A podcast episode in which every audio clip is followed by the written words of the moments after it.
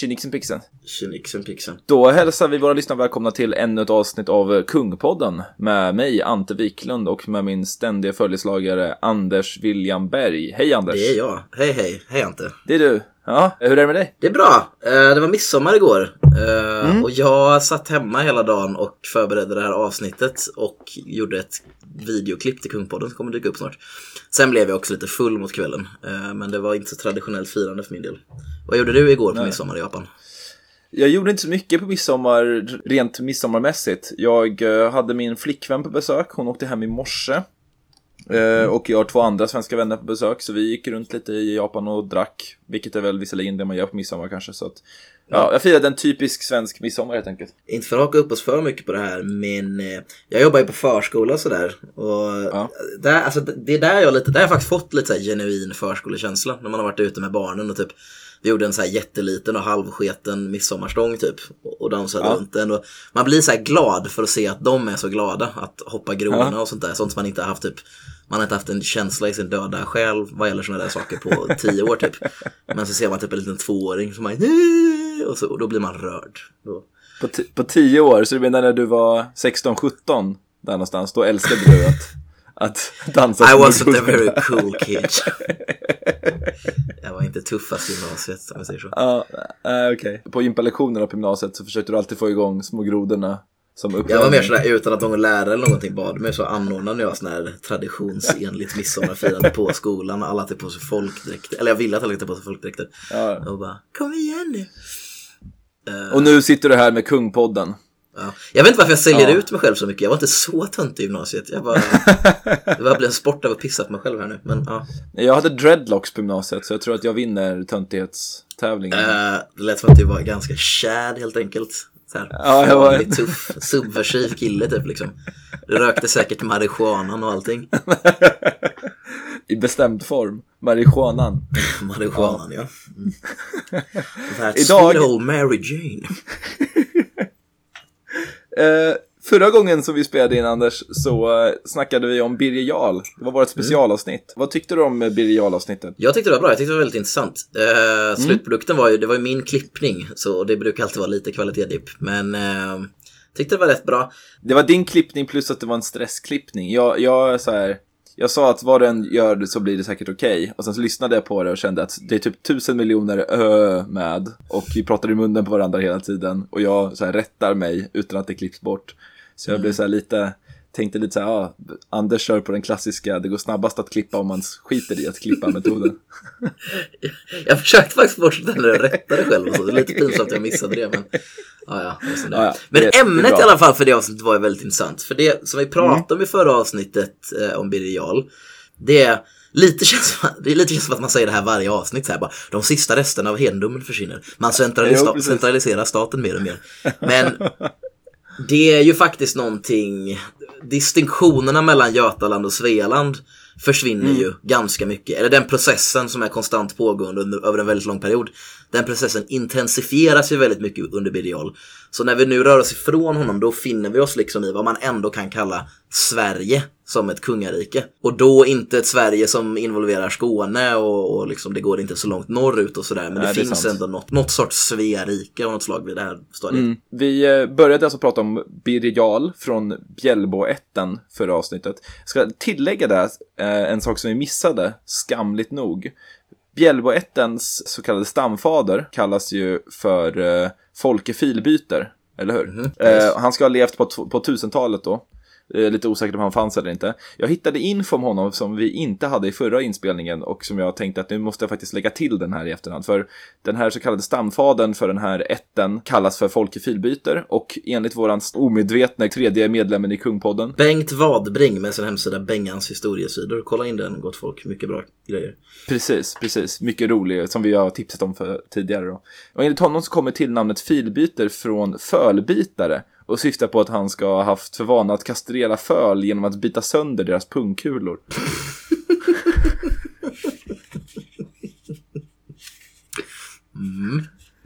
Mycket bra. A proud dynasty.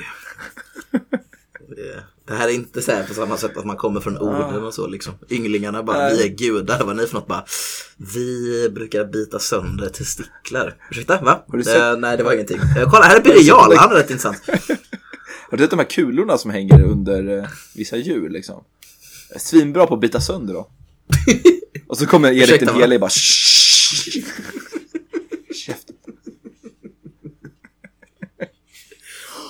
Pinsamt. På tal om roliga tillnamn så kommer vi faktiskt komma in lite på en sån nu också. Eh, Ett lite mer välkänt sådant däremot. För idag så ska vi prata om de två ättlingarna till Birger Jarl, nämligen Valdemar Birgersson och Magnus Birgersson, a.k.a. Magnus Ladulås, kanske en av de kändaste kungarna ändå. Mm.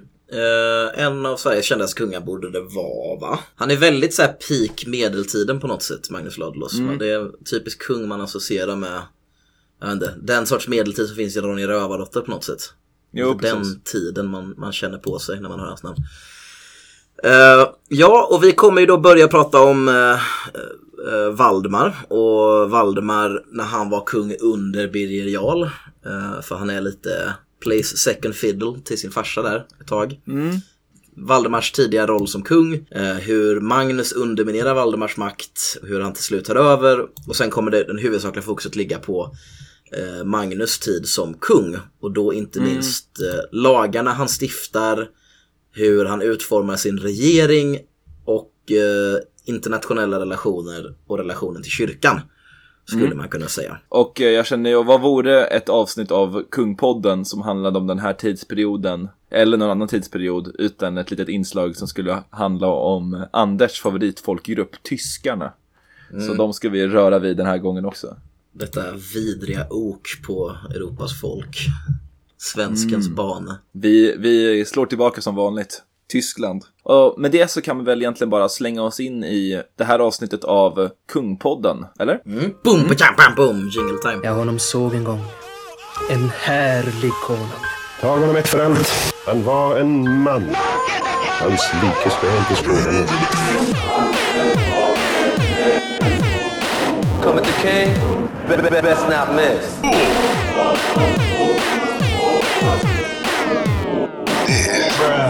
Tror faktiskt inte det. Gustav den femte Adolf! Gökungen!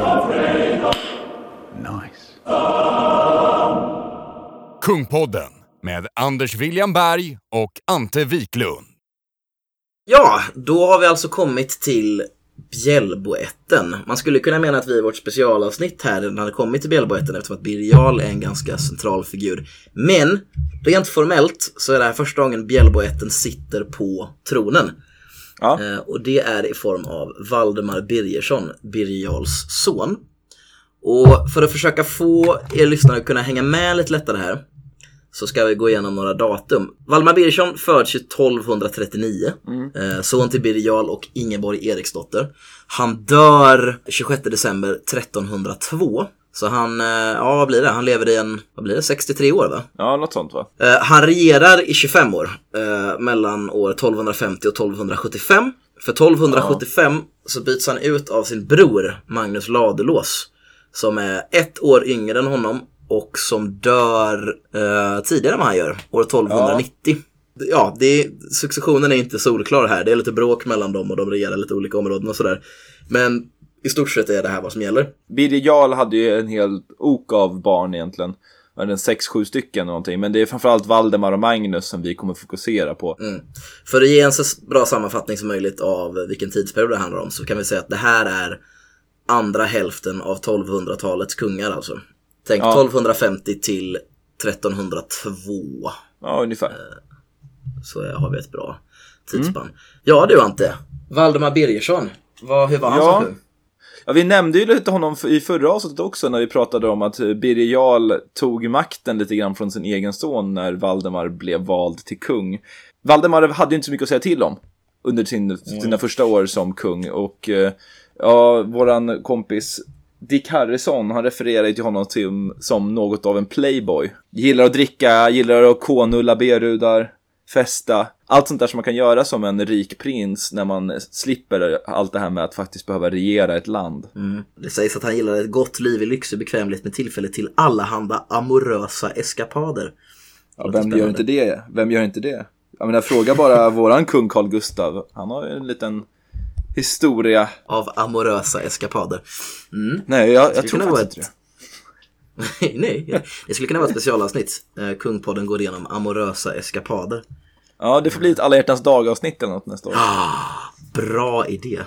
Eh, hur som helst, men i 16 år då så är han kung eh, in a name only för att Birger Jarl springer runt och är mannen bakom makten. Ja, precis. Och det är då som eh, de Carlsson menar att han utvecklar playboy-tendenser, är lite bortskämd. Han är, han är en kung utan egentligt ansvar. Eh, och det är väl liksom lite en tråd som löper igenom här ganska mycket. För det kan ju ganska direkt ställas i kontrast till hans bror då, Magnus.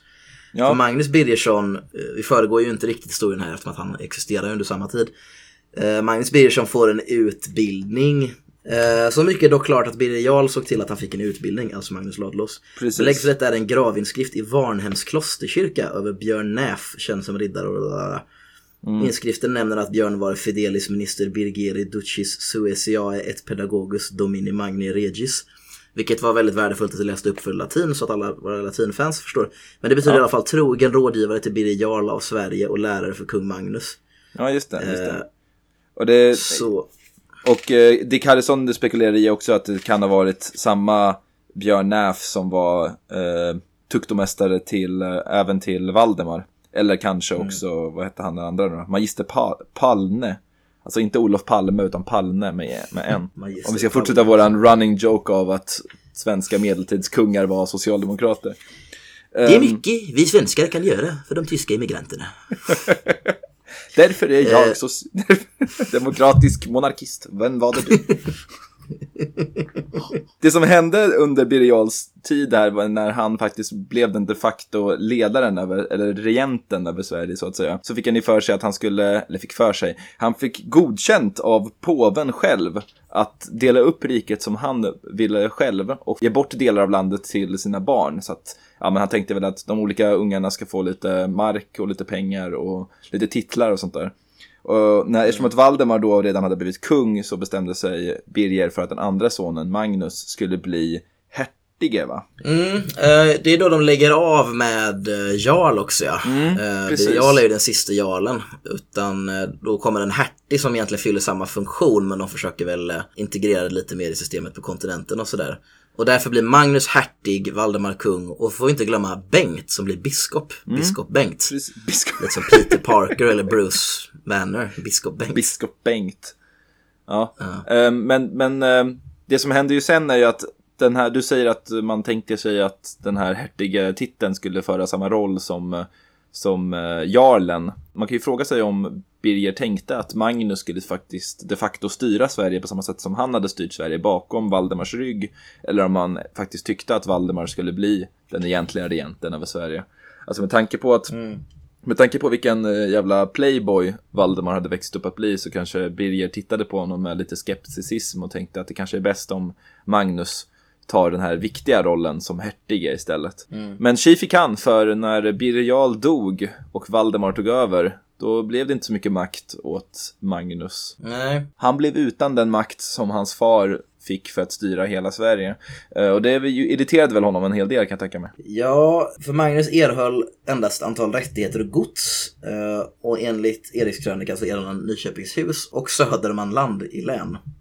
Mm, han Ja. fick Södermanland. Han fick Södermanland. Ja. Och det förstår ju alla att det är ju inget, det är inget vidare hänga i julgranen. Nej, vad fan ska man med det till? Nej, Vad, fan, vad ligger ens i Södermanland? Men det var inte tal om att han skulle kunna ha samma makt som Ulf Vase eller som sin egen farsa eller sådär. Utan han skulle väl bli en adelsman bland många, eh, såg det ut som att bli. Men det är lite som att turen Magnus har här är ju att Valdemar är så jävla dålig. Ja, du nämnde ju tidigare att Valdemar styrde Sverige i, i 25 år eller vad det var. Då tänkte man först att åh jäklar, det är lång tid. Men då måste man också räkna med att majoriteten av de åren eh, så var det ju faktiskt Birger Jarl som styrde Sverige. Och Valdemar stod bredvid och typ hånglade Ja med någon precis, så tjej. det är, ju, det är ju nio år han får under sitt bälte som självständig kung kan man ju tänka. Vilket inte är så lite ändå med tanke på om man, nu när vi kommer röra oss vidare genom den här berättelsen så undrar man ju hur, hur han kunde hålla sig under de nio åren. Han, eh, han är, verkar ju lite av en fuck-up. För på 1270-talet så börjar ju de här konflikterna med brorsan. Men det, det är en kort period emellan här då där, där Dick Harrison här försöker beskriva lite vad det är han eh, gör. Eh, och han försöker bevara den starka kungamakten. Vilket var att han liksom, ja, han höll ögonen öppna för uh, stormän som trodde att de var någonting. Då är det en av de här stormännen är Johan Philipsson som är är fängslad. Han kommer återkomma i berättelsen men han är redan här lite ett, ett problem för kungamakten. Ja. Eh, något som sticker upp. Eh, utöver det så försöker Valdemar hålla ihop eh, den fredliga politiken i Nordeuropa. Både vad gäller de tyska köpmännen och det danska och norska kungahuset. Han utfärdar lite privilegier till tyskarna. Han sammanträder med sin svåger Magnus av Norge.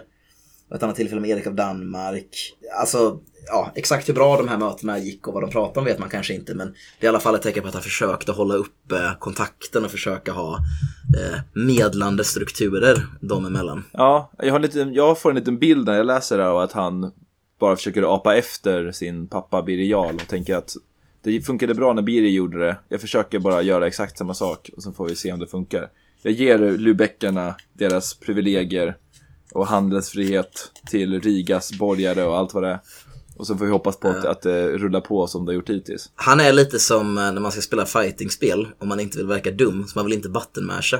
Så man bara sitter och tittar på den som spelar bredvid en och försöker så här följa han på någon slags Ja. så här, följ, som att följa i dansen typ liksom, efter knapparna. Precis. Men eh, det finns ingen egen intuition. Nej, man försöker göra de här, de här omöjliga kombinationerna av knappar. Så man har, liksom, man har tröttnat på att bara button masha. Så man försöker faktiskt göra kombinationer, men, men man är ju alldeles för dålig för att göra dem på riktigt. Så man, man hittar en kombination där man skjuter någonting. Så att man kan stå och hamra den skjutknappen om och om igen kanske. Eller något sånt där. Om jag gör halvcirkel fram och sen klickar på B, Precis. då ger man tyskarna privilegier. Och det, det tar jävligt mycket av lifebaren, såg jag. Så bara jag gör det. Men sen så realpolitiken lär sig att göra en, bara en väldigt enkel blockmanöver. Och han bara, men vad fan! Fan! Det är en haltande liknelse det här, men Väldigt den har halt- burit oss hit. Den är väldigt haltande, men den är rolig. I början av 1270-talet då Mm. så är hans uh, fightingspelsteknik här börjar nå sin vägs ände. Mm. För det är då som Magnus avundsjuka börjar bubbla upp till ytan. Eller avundsjuka, det vet ju inte vi, men man kan anta att det hade de emotionella kvaliteterna. Dels har den hertig Magnus, men även hertig Erik, som vi inte nämnde här i Mm. introduktionen. Men den fjärde brorsan utöver Magnus, Valdemar och Bengt. Ja, precis. Och Magnus och eh, Erik, de går ju lite ihop i en allians för att göra sig av med Valle. Erik är supergrinig för att eh, han tycker att han inte har fått någonting alls. Han kallar sig för Erik alls intet. Alltså, han har ingenting. Det, Han har fått alls ingenting. Det känns så jäkla melodramatiskt. Bara, Ja, du är, en, du är en hertig. Du har väl säkert ett- någon jävla 50, 50 hus och stora land och hur mycket pengar som helst. Men du tänker ändå att du har alls intet. Och så här går och gnäller över att Ja, det är jävligt töntigt. Alltså om det roliga är om han då, enligt Eriks krönika, skulle kallat sig själv för allsintet. Ja, en teori är att han gör det. En annan teori är att det är ett, att det är ett, eh, ett namn som en annan ger till honom. Men jag gillar teorin att han själv gör det. För att det känns så himla så här självupptaget och självömkande. Ja, just det. För enligt den norska Magnuskrönikan så kallar han sig själv för allsintet. Men enligt Erikskrönikan så var det drottning Sofias öknamn på eh, hennes unge svåger. Ja. Det sista är ju mer värdet liksom. För att om den norska Magnussagan bara framställer som att det var ett coolt namn typ. Det är ju inte som att det är... Alltså om man, om, man är, om man blev bortvald av sin farsa och inte fick någonting. Då borde man bygga en image om sig själv att man är typ en rebell som ingen såg typ och så här visa styrka. Inte kanske bara gnälla om att man inte har någonting. bara, jag är Erik fick ingenting. Alltså ingenting fick jag. De här brorsorna Erik och Magnus, de eh, beslutar sig för att Valdemar är ett jävla svin. Vi måste göra någonting åt det för att vi vill ha den makt som vi förtjänar. Så de börjar bråka lite med brorsan va? Ja, de börjar göra det. Eller det börjar bubbla lite grann. För Ja, att, precis. ehm, Erik far till Danmark eh, efter att det har varit liksom lite gnabb mellan dem emellan. Eh, och när han kommer tillbaka då är Valdemar så jävla misstänksam mot honom så Erik bestämmer sig för att ah, men det är bäst att eh, get out of Dodge och åker till eh, Norge och gömmer sig där ett tag. Ja, just det. Eh, men då efter ett tag då så eh, har de ett försoningsmöte mellan Valdemar, Erik, den här Johan Philipsson som är lite oklart vad han har gjort ännu men Och Magnus av Norge som han medlade bara. I Sarpsborg eh, 1273. Det är Magnus Philipsson är bara där för att han hatar honom. Han bara så här. Han får också ett brev. bara, Kom hit den här dagen. Vi måste försöka snacka om hur vi ska lösa det här problemet. Han bara, vadå? Vad, vad gör jag ju? Just det. Var typ att Johan Philipsson inte är... Han har inget problem med Nej. Ja, Johan, ja, jag vet, du gillar inte mig, jag gillar inte dig, men jag gillar dig. Så Ja, nej, jag vet hur det är. Kom nu så löser vi det. Han bara, men va? Men det här är ju är mellan dig och din brorsa.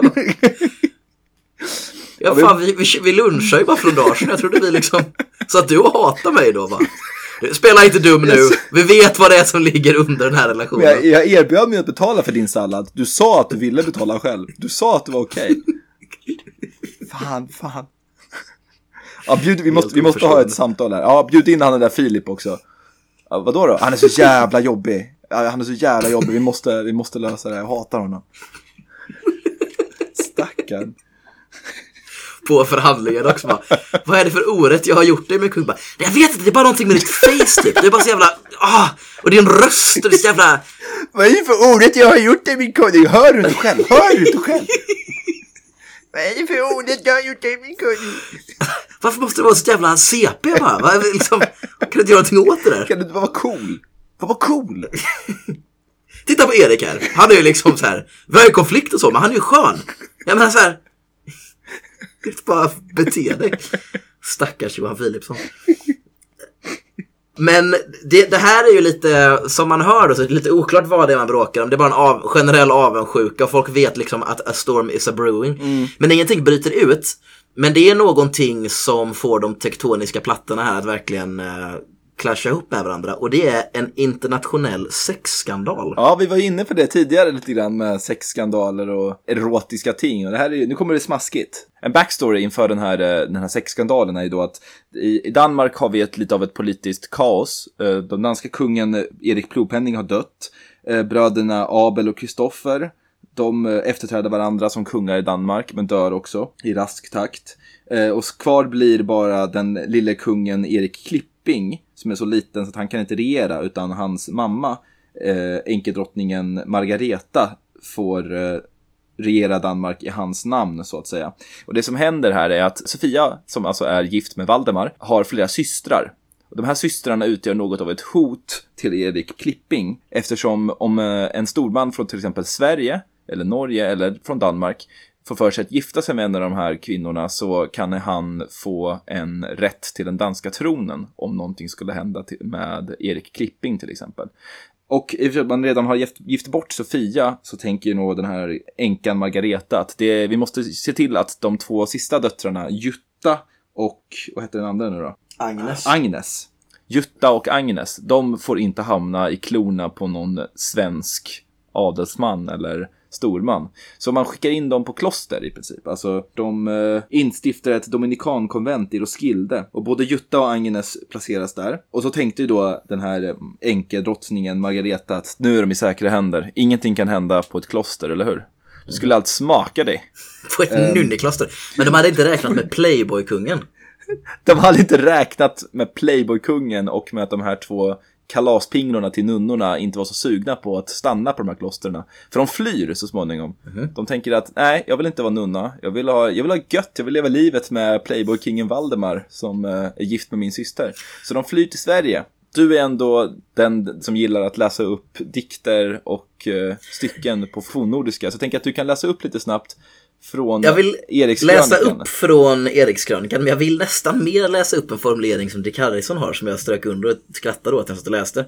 Ja. Och han skriver så här, när Valdemar såg Jutta, alltså när hon kommer till Sverige, blev han upp över öronen förälskad, eller åtminstone synnerligen pilsk. Han förmådde givetvis inte hålla sina lustar i styr och snart var Jutta hans älskarinna. Eller som det heter i Erikskrönikan. Den tid hon till Sverigis kom, va var hon icke utan som, en ängel vare af himmerik, sva var hon stolt och fögelik. Med konungen var hon va sva kär, det han kom henne allt af när. Ja. Hon var snygg och så blev de kära och så kom de väldigt nära varandra. Ja. Kan man väl läsa det här som. Ja. Ah, ett stycke värsting. Något att bita i alltså. Glöm det. Det är ingenting som du har någon chans på. Får vi se.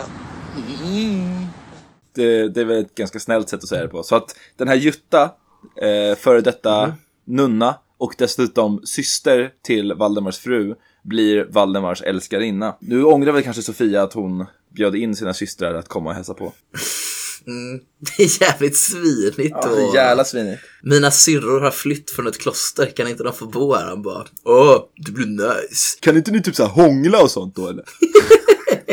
Now smell her. Jävligt så här oskön kille med modern standard. Men nu ska vi inte Jag tänker lite så att jag är lite förvånad att det inte finns någon så här stycke i Erikskrönikan som typ skyller det här på, på Jutta. För det känns som att det brukar vara så. Att det är så här. Det är, så här, det är alltid någon kung som är sjukt oskön och sen så kommer någon liten dikt som typ berättar hur, hur någon kvinna kom och förstörde alltihopa. Liksom. Det är Juttas. Ja, det hade verkligen varit så här väldigt typiskt om det var typ att Magnus bara så här. Han förstör hela sin fars arv, han bara knullar runt och alla båtar det bara. Och det, den här kvinnan var bunden av djävulen för att hålla på med hor. Så här. Yet again. Ja, men det blev ju det blev lite av en skandal det här. Eh, för trots allt så var de ju faktiskt släkt, om en gift, ingift sådan. Eh, och med tanke på att den katolska kyrkan hade en ganska, ja, men en ganska central maktroll nu i Sverige. Så eh, det sågs inte med blida ögon att Valdemar knullade runt med sin eh, svägerska. Eh, För att sona sitt brott då så skickas han på pilgrimsfärd till Rom. Och kanske Leon, för tydligen bor, bor påven i Leon under den här tiden. Ja, men det, det där är fan, om vi hade varit kontinentpodden. Nej, men alltså det, är inte, det här är perioden när de har vid ett stadie tre påvar. Ja, ja. Och det ja, för att det är den franska kungen. De, de har ju de här konflikterna som pratar med Birger Jarls tid där, liksom att det, det är massa konflikter om hur självständig kyrkan är i relation till kungamakten och sådär. Den franska kungen löser ju det genom att helt enkelt bara åka till Rom och bara ta påven i kragen och flytta honom till Lyon typ. Och bara, nu är du min. Ja, men- Och då utser de i Rom en annan påve, men han är ju inte riktigt legitim. Och sen så är det någon till ett tag. Och det är där begreppet antipåve kommer ifrån, Ja. som metalband har gjort en grej av sen. ja. I, they call him the antipope, like the hammer crush the cantaloupe. Like the lion eats the antelope. Like the hammer crushed the cantaloupe. Har du inte, har du inte hört den? Nej. I am the antipope. Like the hammer crush the cantaloupe. Like the lion eat the antelope. En cantaloupe är en melon. Ja, precis. Hammare, ja, alltså jag gissar, alltså antagligen skulle en, en hammare kunna krossa en melon, men det är inte så här, det är inte den så här, perfekta lejon och antilop visst, men melonens ärkefiende är ju inte direkt hammaren. Eller Du förstår bara inte hur bra uh, Slads uh, metalkarriär var. I alla fall, hela den här kärleks eller sexskandalen, den leder oss faktiskt tillbaka till det som vi faktiskt pratade om, nämligen den här konflikten mellan Valdemar och hans brorsor. För, vad gör man om man är två brorsor som är lite pist på en tredje brorsa som har tagit åt sig all makt och den tredje brorsan måste plötsligt åka iväg långt bort med svansen mellan benen och typ säga förlåt till eh, en gubbe i Leon. Och man passar ju på att utvidga sin egen makt lite grann va? Mm, det var lite smart av dem att passa på det. När han är nere i Rom då så passar de på att, eh, ja, brorsan är borta, då är det bara naturligt att eh, vi styr här. Så Magnus och Erik börjar karva upp riket lite mellan sig själva eh, i konkret styrande makt på något sätt då. Dick Harrison menar väl liksom att, eh, att under den här tiden så blir hertigens eh, råfe, eller hans följe, det blir större än kungens. Och hertugin ville där med rada, alltså att Magnus ville att jarlen skulle ha den här rollen som han hade under sin farsas tid. Han ville återgå till det systemet att, eh, ja, eh, jarlen skulle play first fiddle. Precis, han börjar återgå till den här traditionella jarlmakten som Birger Jarl har, ja, haft innan, innan han Och han lyckas väl typ göra det i Valdemars frånvaro. I alla fall genom att bygga upp en mäktig här. Mm. Så när Valdemar kommer tillbaka så blir han lite stressad och inser att helvete, så jag måste försöka lösa det här på någonting sätt. Så han försöker väl, och lyckas inom någon mån försöka ta tillbaka den här, eh, den här makten som kronan ändå ger honom. Men det blir, det blir ändå, det är inte riktigt samma spelplan längre. Det är fler och fler människor som är på, på Magnus sida vid det här laget än vad det var när han, innan Valdemar flydde ner till Rom. Ja, för 1274 eh, under hösten så är det den här långa, långa bubblingen exploderar till slut. Eh, Valdemar går på offensiv och ett påvebrev från Lyon, som är från den 9 januari 1275, så avslöjas det att Sverige ligger i inbördeskrig. Ganska hetsk term ändå, det känns, då känns det som att det är på allvar nu. Nu är det verkligen öppet våld och så. Det är väl lite intressant här, för det finns ju, kyrkan spelar en viss roll. Eh, I det här brevet då så framgår det att, eh, ja, Mag- eh, eller Valdemar menar jag, han har lovat att göra ett eh, korståg mot öster, men då behöver han hjälp av påven. Och för att få hjälp av påven så säger han att ja, men jag är din vasall nu. Och han gör det svenska riket skatteskyldigt till katolska kyrkan. Då inför man den så kallade Peterspenningen i Sverige. Alltså bara en avgift du betalar. Medlemsavgiften till katolska kyrkan. Katolska kyrkan Gold, katolska kyrkan plus premium. Premium, premium eh, Så du kan skippa alla reklamlåtar i, eh, i Bibeln. predikningen och sådär.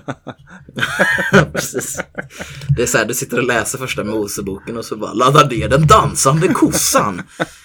Helt jobbigt. Men om man betalar Peterspenningen så blir detta problemet minne blott. Men eh, det verkar vara lite missnöjda med, alltså man vet inte exakt vad det var men det, det antyds för lite här då att, att eh, när han har varit borta så har Valdemars fiender har vid ett tidigare tillfälle uppsatt en ny konung och nu är det fara värt att det händer igen.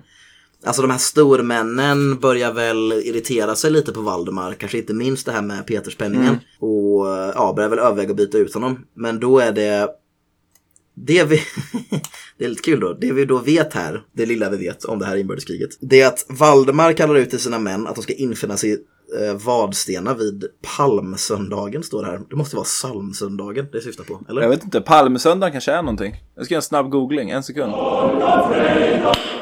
Nice. Palmsöndagen, söndagen före påsk. Okej, palmsöndagen som vi alla vet vad det är för någonting.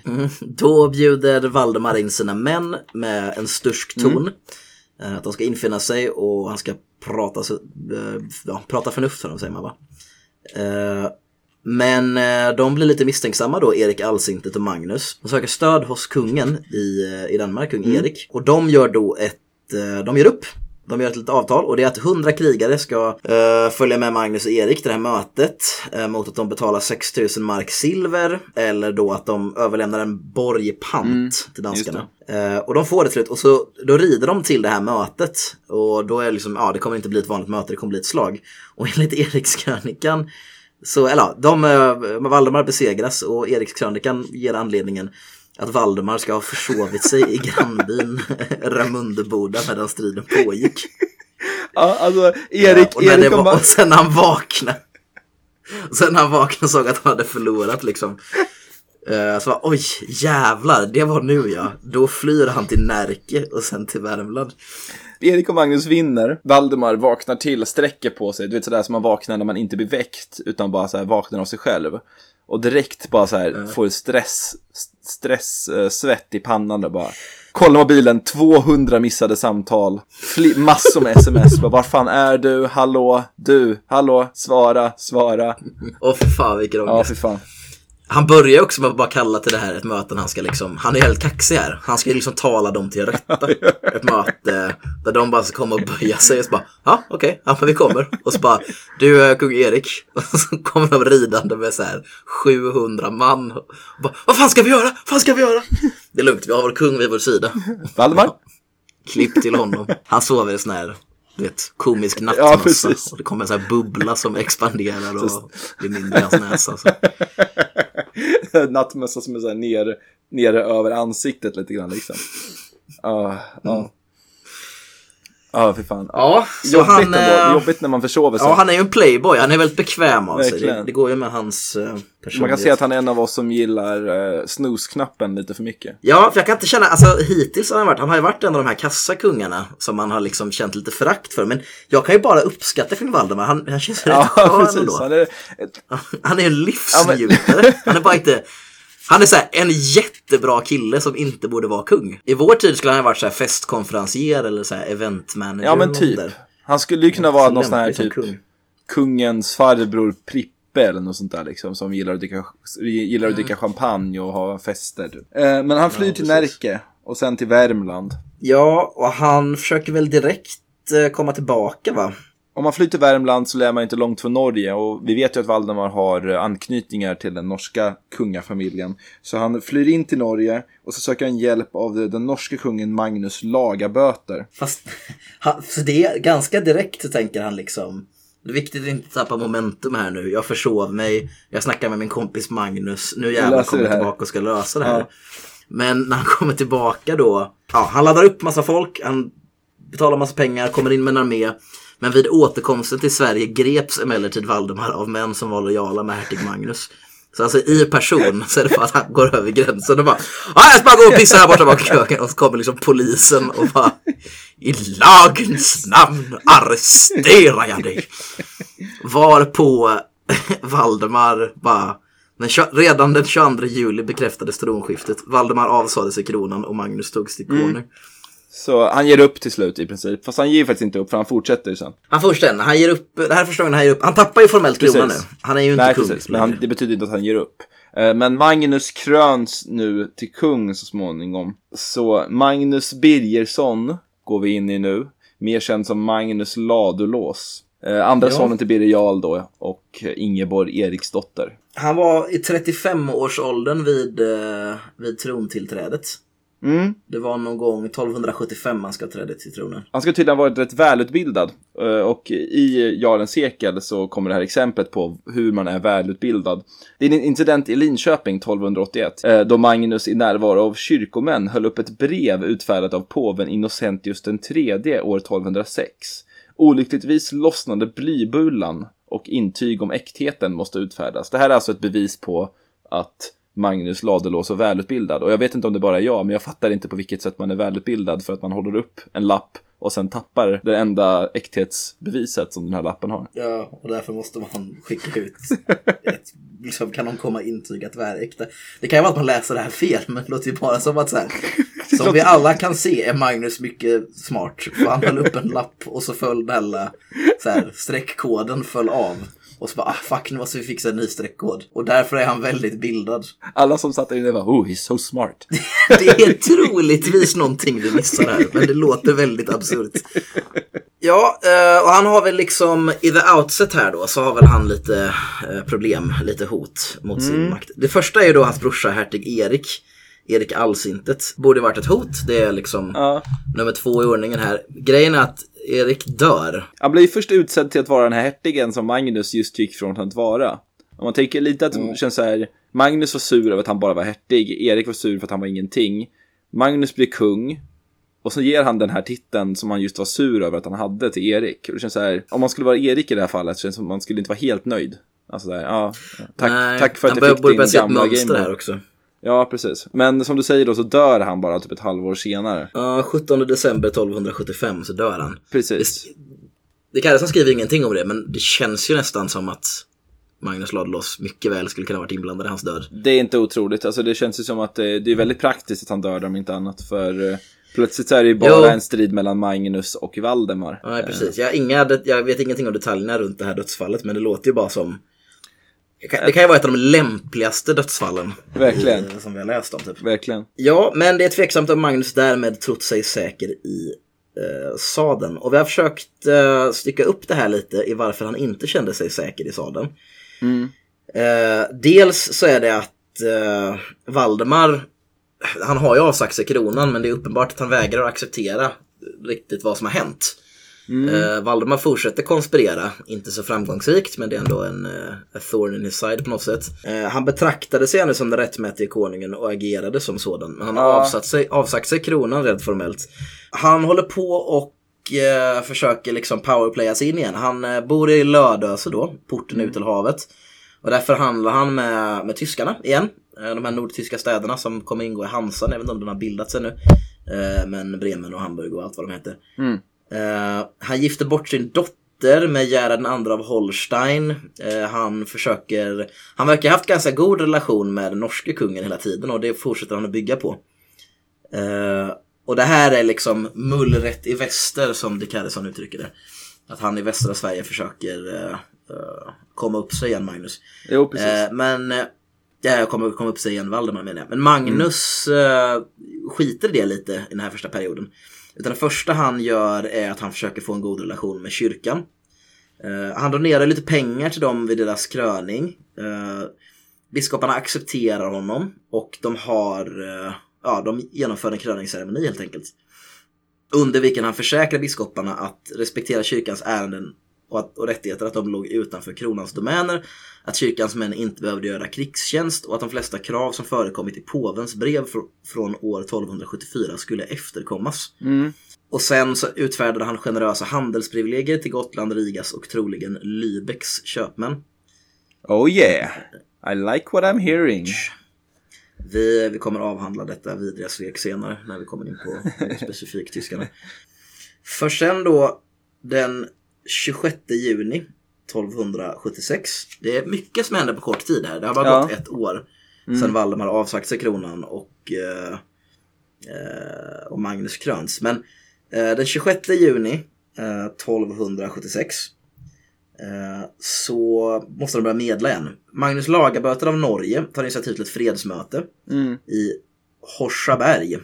Eh, ligger vid Göta älvs mynning tydligen. Och då kommer eh, Magnus och Valdemar varsin nämnd. Magnus nämnd utgörs av biskopar och stormän. Magnus av folk från, Magnus av folk från Norge och Danmark.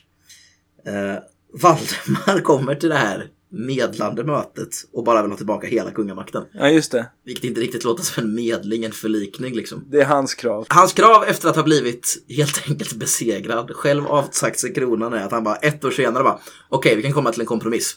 Jag blir kung igen. Mm, det är inte vad en Okej. kompromiss är för någonting. Okej, jag ser mig slagen. Du vann. Snyggt jobbat. Jag ser mig besegrad.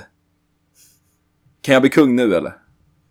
Och så kan vi bara komma över allt det här va? Vi kan ta det här, lägga det här bakom oss. Det är också hans playboy-attityd, att Ja, han liksom har ingen känsla för här konsekvenser så. Han bara, okej, nice, uh, nice game. Och så Magnus bara, du vet, så här, kniper näsbryggan lite grann och bara, Valdemar, snälla, vi, pratar om det här. Du är, du är inte kung längre, du var jättedålig på att vara kung. Kan du inte bara, jag har gett dig en massa slott. Magnus erbjuder honom bara Hälsingland, eh, Värmland, Dal och den är i övrigt okända befästningen Stickaborg samt 300 mark to fuck off. Ja, just det. Eh, Men alltså, det är så här, det Kallesson skriver bara, men, men han har ju förlorat Valdemar. Ja, Och verkligen. så liksom, han har inget stöd i Sverige, det är bara att han är bra kompis med den norska kungen. Och liksom så här, och så kommer han och ställer de här jävla kraven. Det är ju, det känns som att Valdemar är en ganska oresonlig part i allt det här. Jag kan tänka mig vara den norska kungen i det här fallet. Alltså man tycker om Valdemar, han är en schysst kille. Men man vet också att det är inte rimliga krav som man ställer. Men, man är liksom kompis med honom så man måste ändå ställa sig bakom honom på något sätt. Det bara så här, mm, jo, visst, ja, absolut. Och sen bara så här, snälla, vad som helst, ge honom bara någonting. Snälla. Är inte det också lite så typisk kompisgrej typ? Att man har så här någon förståelse för att man alltid backar varandra. Precis. Och så, alltså, han kommer till Norge typ och har försovit sig och varit så här jättedålig. Bara, Det var så jävla fittor och bara för när jag sov. Bara, jo men skulle inte du gått upp i tid? Bara, Vad menar du? Bara, jo jo det är klart. Det är klart Bara, fan, jävla, fan vad sviniga de var att de inte väntar på att du Men vi pratar ut med brorsan, pratar ut med brorsan. Och så, vet, man vet att han har fel, men det är din bästa polare så du måste på något sätt liksom. Ja, verkligen. Man måste på något sätt bara, bara, bara liksom finna sig i att nu, nu är jag på fel sida i den här konflikten och jag får, jag får acceptera det liksom. Um, Mm, ångestladdat scenario. Föga förvånande så accepterar inte Valdemar det här, det här erbjudandet av Stickaborg med mera.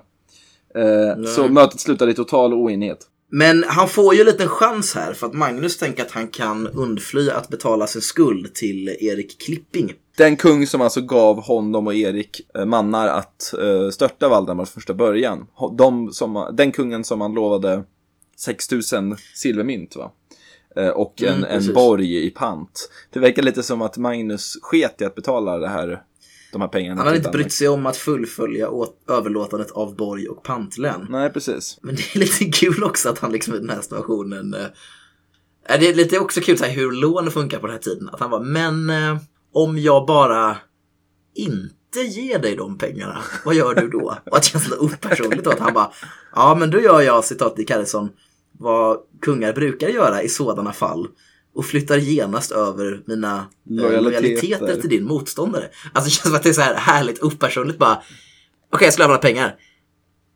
V- ehm, Nej! Okej, men då, då slår jag ihjäl dig. Jaha, okej. Okej, men vänta Men, då. eh, Om jag då... I den här konflikten så blir Valdemar jätteentusiastisk då också. Ja, för han ser ju sin chans. Han bara så här, shit, nu har jag Danmark på min sida. Ha, ni trodde att det var era, era kompisar liksom. Och vad händer då? För att då, Ja, och för, av någon anledning så är det Magnus som anfaller först då. För han går in i Skåne och Halland som är dans vid det här tillfället och börjar härja. Men då är det Klipping och Valdemar till motangrepp. Eh, och som så ofta i svensk-danska fejder råkade Småland och Västergötland värst ut. Press F to pay respect. Och de håller på att jävla som fan. Och, liksom Valdemar är top of the world liksom. Jag bara får mer och mer chanser. Bara, nu, ja, nu måste vi ändå funka. Ja, nu är det på gång. Men då gör Magnus det geniala skulden av att han bara mitt i, du vet, när Valdemar avancerar till att uppe längst in och verkligen så här mitt i stridens hetta. Så att han bara skickar ett brev till Erik bara, ah, här är pengarna. Och Erik bara, ah, okej, ja men nice. Hej då. Jag åker hem nu. Och Valdemar, och Valdemar bara, va? Va? Va? Va? Nej men jag har fått mina pengar nu, jag är färdig. Men Jag vad är färdig, va? jag är lugnt, det är lugnt. Jag Och så inte... här mer än halveras hans styrka när han är liksom in the heart of darkness. Och bara, nej nej men jag ville bara, det, det är lugnt nu. Ja, det, det är dejligt nu. Är cool. Jag ska sluta prata Ja. låtsasdanska mitt i podden. Jag får säga jag måste bli bättre på danska innan jag kan göra det. Det är dejligt. Jag, Ja. tyckte, jag måste säga det, jag, tyckte din, jag satt och lyssnade på vårt avsnitt när du pratade om när Magnus den starke Nilsson slår Erik Less på Halte och jag tyckte din fejkdanska var extremt rolig. Ja, jag tyckte den var väldigt träffande. Ja, det är bra. Tack. Eh, Eh, ja, så Erik, Erik Klipping bara så här, precis när han precis ska börja hugga ner en, en, en man Mm. av Magnus så får han det här brevet och bara så här i luften stannar svärdet och bara, ah, ja, okej. Vänder om och går därifrån allihopa bara, nice, gött, bra jobbat. Han Eh. klipper av the dead weight som är Valdemar Birgersson. Precis, och lämnar Valdemar åt sitt öde. Det kan ju nämnas, samtidigt som den här fejden pågår, kan jag nämnas lite kort, så Magnus gifter sig under det här eh, kriget. Han Vilket bryr- också är lite han kul att det är bryr så sig här, verkligen inte. nothing too serious, just a bit of banter. att han liksom så här och sen Valdemar är såhär bara, nu jävlar tar vi honom! Medan sen Magnus lutar sig tillbaka, tar det på så stort allvar och bara, äh, jag betalar snart. Fan, jag har träffat en tjej. Eh, jag vill ändå, jag vill ändå tänka mig att, att eh, Magnus skickar en inbjudan till bröllopet till Valdemar. Så, här, Tjena brorsan, vet att vi, är lite, vi har haft lite bråk, men eh, jag ska gifta mig nu på lördag. Det vore gött om du kom förbi. Och att här Valdemar har tillskrivit det här jättemycket mening. Liksom. Så här, en episk strid mellan bröder. Så här, du har svikit mig, bla bla bla. Bara, mm, jo, det brukar hända lite så här varje halvår det här. Så, Ja, liksom, Valdemar han är som han är. tid för nu? Han är som han är, eller hur Valle? Du är ju som du är va? Sluta då, det är faktiskt allvar. Det är ändå viktigt nu när det är bröllop att familjen håller ihop och sådär. Och morsan hade ju gärna velat att du skulle vara med och så. Det blir väl, det blir väl ändå bäst. Ja. Eh, Valdemar ger ju inte upp efter det här heller. Eh, han eh, får ju inte hjälp av Norge längre, han får inte hjälp av Danmark längre. Vem får man hjälp av då? Jo, Tyskland, Nordtyskland. Tyskjäveln. Det var ju det att han hade gift bort sin dotter där. Med Helvigs broder Gerhard den andre. Av Holstein. För att det här är inte de här vidriga handelstyskarna. Det här är ju de vidriga men lite mindre vidriga adliga tyskarna i Ja. Holstein.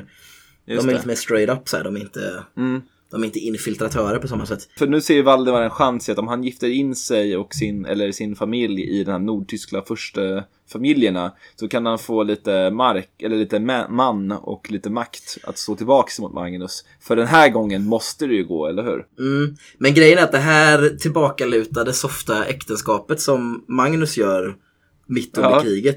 Det är ju då också ett äktenskap till samma familj. Eh, så, så, vilket han gör då bara för att blockera Valdemar.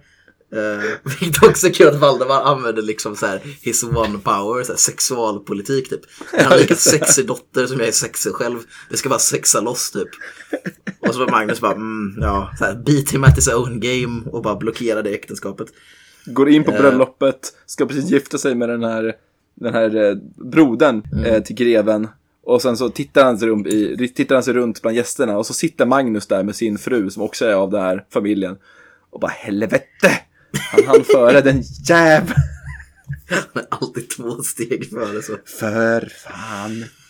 Och Magnus bara tittar på honom och ler och bara tjena brorsa. Så Magnus ingår ju alltså också ett... Gifter han sig själv med in i den här familjen eller är det någon annan som han gifter? Han gifter ju sig själv in, vilket är intressant med tanke på hans höga ålder. För det sker 1276 och Magnus är född 1240. Mm. Så är han 36 år, det är väl inte så högt kan man tycka med modern standard. Ja, men för den här tiden det. var det väl det. Mm. Ehm, och, Så där eh, tappar ju Valdemar sin makt att kunna få, få lite män att slåss mot Magnus med tanke på att de är in, i samma familj nu igen. Och det är ett problem för Erik Klipping också, för att nu har han en allierad i Holstein, det här ganska mäktiga grevedömet som gränsar till Danmark. Så eh, Erik Klipp- Klipping som gjorde han kung och som var lite, ja, han blir inte lika stursk mot Magnus längre. Nej, precis. Av Danmark då alltså. Han bestämmer sig för att nu när jag har fiender runt om mig så kanske jag ska hålla käften och bara se nöjd ut. Ungefär. Men Valdemar vägrar att ge upp då. Han har tappat Erik Klipping, hans allians med tyskarna har, har fuckats upp.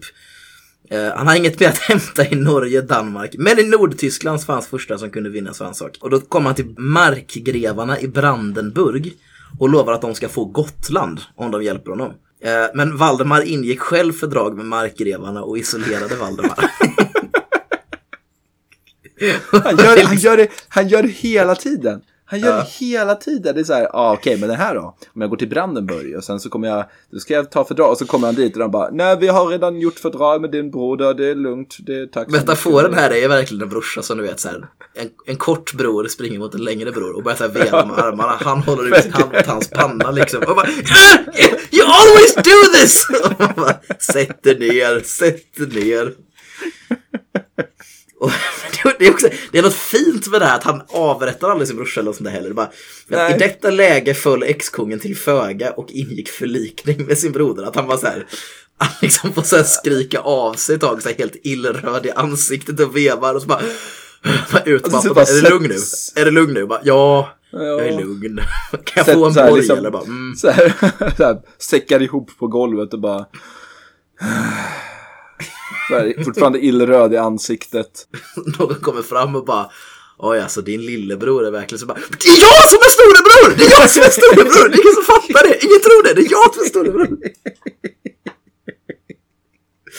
Stackars stackars Valdemar. Ja. Men han var ju liksom såhär, man, man känner ju verkligen, alltså han, han var, he was too good for this job liksom. Han var såhär, Ja, verkligen. han var verkligen. inte hålla på med det här, han har ingenting att bevisa, han är skön ändå. Ja, hade han, hade han bara sig slutat hålla på och velat ha kron, kronan och bara funnits i att vara den festliga kungabrorsan. Alltså hade han bara liksom blivit kompis med Magnus och låtit Magnus vara kung, då hade han ju levt livet. Ja, han borde varit lite som vår Carl Philip typ. Han borde bara acceptera Ja. så här, kör racerbil, designa fina kuddar eller någonting. Bara liksom, Låt någon annan designa fina bestick åt dig. och säga att du har gjort det. Eller att det? Liksom, det är så här, typiskt så här, mer idékille liksom. Han säger Ja, precis. en precis. skön idéspruta, kommer på massa sköna takes liksom. Ja, men eh, sen den här konflikten är över, det går jävligt fort här. 1278 betecknar sig Valdemar Quandum Rex, före detta konung. Och sen börjar den här konflikten med Ja, en konflikt som avslutas 1280. Jag står inte exakt när den börjar. Men det Nej. kan ju bara vara typ slutet av 1278 eller 1279. Så det är Precis. nästa år helt enkelt. Och vi kommer in till Johan Philipsson igen, den här personen som, eh, som Magnus hatar utan att vi riktigt vet varför. Ja, för det är lite intressant då. Det där är för övrigt en grej jag hör när jag lyssnar på en podd. Jag säger hela tiden det. Det är lite intressant. Det Intressant. intressanta är, det måste jag sluta Mm. säga, eh, något som kittlade mitt intresse. Bra att titta på något helt annorlunda, säger jag. ja, precis. Det är bra, det är bra. Eh, den här uh, Aspenäs-ätten då som Johan Philipsson tillhör. Dick Harrison Mm. ger ju inte så mycket information om eh, vad de ville egentligen. Men enligt eh, Cambridge History of Scandinavia så det antyds här att det är a new uprising of the folkungar. Alltså de äkta folkungarna, inte bjällboätten. Nej, utan precis. de här eh, kons, vad man säga, konservativa eh, adelsfaktionen. Jag är inte hundra på om det är som syftas, men då skulle man väl kunna, vi kan ju säga att det är det i alla fall, så kan vi förstå lite eh, vad det är. Det var inte så länge sedan Birger Jarl tog hand om dem, så då borde ju fortfarande finnas kvar en del av dem. Folk som är motståndare mot en central kungamakt typ, och är emot samarbetet mellan kyrkan och kungamakten. Jo, precis. Det måste ju finnas kvar som en politisk liksom, makt eller politisk rörelse på något sätt i alla fall. I, i, i uh, Jarlen Sekel så refererades bara till att eh, eh, den här, det här upproret sker eh, bland annat under ledning av eh, Johan Philipsson från Aspensätten. Eh, vi vet inte riktigt hur det här tog slut, men enligt Enrikskrönikan så var Magnus till en början försiktig och valde att sluta ett stillestånd. Men i slutändan så brukade han list och förräderi. Ah, den klassiken. Han sätter, han satte, det är som i såna här serier där det alltid finns en typ en uh, Deus Ex Machina, så här, ett vapen som alltid vinner. Och så kommer de på i slutändan att, ah, just det, vi har ju megalasern, eller vi har, fan vet jag. Och här sitter han bara, hm, vad fan ska jag göra? Just det, jag har ju förräderi. förräderi och list. Eh, Så han bjuder in de här rebellerna till eh, Gällkvist vid Skara och ja, där grips de allihopa. Man kan ju tycka att de var lite korkat av dem. Jag tycker ofta att det är sådär att de, eh, de är typ i krig med någon och så bara, Ja. vi har ett möte i min borg, lämna era vapen utanför. Och de bara, sounds fair. Och så dödar han alla. Är det bara en väldigt naiv tilltro till så här medeltida ridderlig heder typ? Ja, kanske. De verkar inte ha fattat att det, det man gjorde var att man högg folk i ryggen, för det var det sättet som man vann lättast på. Han löser det här kriget genom att avrätta sina motståndare. Det är ganska straightforward. Mm. Ja, det är ganska straightforward. Eh, Det är bland annat eh, det är upprorsmännen Johan och Birger Philipsöner och deras systerson Johan Karlsson från Fönöätten avrättas. Det är också så här, det tar fan aldrig slut här. Bara, även Valdemar förefaller ha blivit inblandad i konflikten eftersom han nu blev tvungen att avsvärja sig kronan en tredje gång. Trött på ständiga misslyckanden avvecklade den före detta kungen i augusti 1280 sitt godsinnehav. Eh, han lämnade riket och sin gemål Sofia för att bosätta sig i Danmark. Alltså jag tycker mer och mer om Valdemar. När jag läste det här själv tyckte jag bara vilken jävla loser. Men nu när vi pratar om det så tycker jag bara så här. Gubben, alltså han är ju fan... Alltså här, här så avrättar Magnus alla sina fiender. Och sen bara skickar han ett brev till brorsan bara. Du brorsan kom hit. Han bara vadå, vad har jag gjort? Nej kom hit. Och bara, så står han där och skäller på sin brorsa Valdemar som inte har gjort någonting. Jag bara, säg en gång till att du inte är kung längre. Han bara, ja men jag har ju redan sagt att jag inte är kung. Säg det igen, säg det igen. Du är inte kung längre. Nej, jag är inte, jag är inte kung längre. Jag lovar att jag inte är kung längre. För att det är att han förefaller ha blivit inblandad i konflikten och det enda beviset på det är att han avsvärjer sig kronan en tredje gång. Det är liksom inte ett bevis på faktiskt deltagande. Det enda var ett bevis på en förlust liksom. Inte, på, inte på en fight. Och då bara så här, fuck it, jag orkar inte längre. Nu drar jag. Nu drar jag till Köpenhamn. Fast det är inte slut heller. Alltså vi kommer höra mer om Valdemar. Men, Ja, jo. Men när de här konflikterna tar slut, eller i alla fall pausar med Valdemar och tar slut med Johan Philipsson och så. Då kommer det lite beslut här från Magnus Ladulås som är, ändå verkar vara lite avgörande för Sveriges framtid. Eh, Och det är att han har jävligt stora ekonomiska problem eh, efter allt det här. Och alla till bud stående medel togs i bruk för att mobilisera krigsfolk och förvacklande vänner och svaga fiender på ett sida och. Eftersom också kyrkans egendomar kom i fokus har kungens penningsnöd blivit skriftligt dokumenterad. Påven hade år 1274 eh, och det påbjöd tionde i sex år för att skapa ett ekonomiskt underlag för ett korståg och fyra år senare inleddes uppbörden i Sverige. Magnus fick därvid en påvlig order att återställa de medel han hade lagt beslag på till följd av sitt stora trångmål. Alltså han har bett om pengar, de vill ha pengar tillbaka. Mm. Ehm, det är lite under de här 1274 till 1280, de här fem första åren, eller 1275 1280 är det då kanske. Eh, Så är det lite oklart hur de förhåller sig till varandra. Men man märker att Magnus verkar vara, han krälar ganska mycket för kyrkan. Ja. Eh, och ger dem i ett tidigt skede löfte om betydande privilegier till prästerskapet. Och han lever väl upp till det här först, första gången han lever upp till det, det är Telge den 16 oktober 1279 i ett provinsialkoncilium, ett slags rikskyrkomöte. Där han går med på att erlägga en välvillig gärd som bidrag till betalningen av den skuld kung Magnus ådragit sig. Förmodligen handlar det om att återlösa Lödöse från Erik Klipping. Antagligen var det också vid detta koncilium som en samling st- eh, stat- statuter nedskrevs vars sista punkt handlar om fängslande av konungar. Eh, biskoparna hotade denna paragraf envar med bannlysning som tillfångatar, fördriver eller dödar den krönte konungen. Det är väl att de ger lite tillbaka här. ja, precis. Eh, de verkar väl mötas eh, och ja, eh, kyrkan och kungamakten närmar sig varandra. Och då år 1280 så kan vi tänka oss att vi är förbi krigsfasen det här. Jag har precis fått makten, då måste jag hålla tag i den. Precis. 1280 kan vi tänka att han har lyckats få ett ganska bra grepp om eh, makten. Ja, det har börjat lugna ner sig med brorsan och de, de slåss inte lika mycket längre. Och eh, nu kommer vi in i den här delen igen där vi sa att vi måste säga om och om igen att vi börjar gå mot ett annorlunda Sverige och ett mer centralstyrt Sverige. I det här fallet så börjar vi röra oss mer och mer mot eh, privilegiesamhällets slutgiltiga stat, Ja, stadfästande. Centraliserat och stärkande kungamakt så, men inte minst vi går, börjar gå mot ett mer lagstyrt Sverige. Precis. Det är väl det som kanske är lite mer specifikt här. Dick Harrison säger ju här att Sverige kommer in i det privilegiesamhällets slutgiltiga stadfästande. Nice.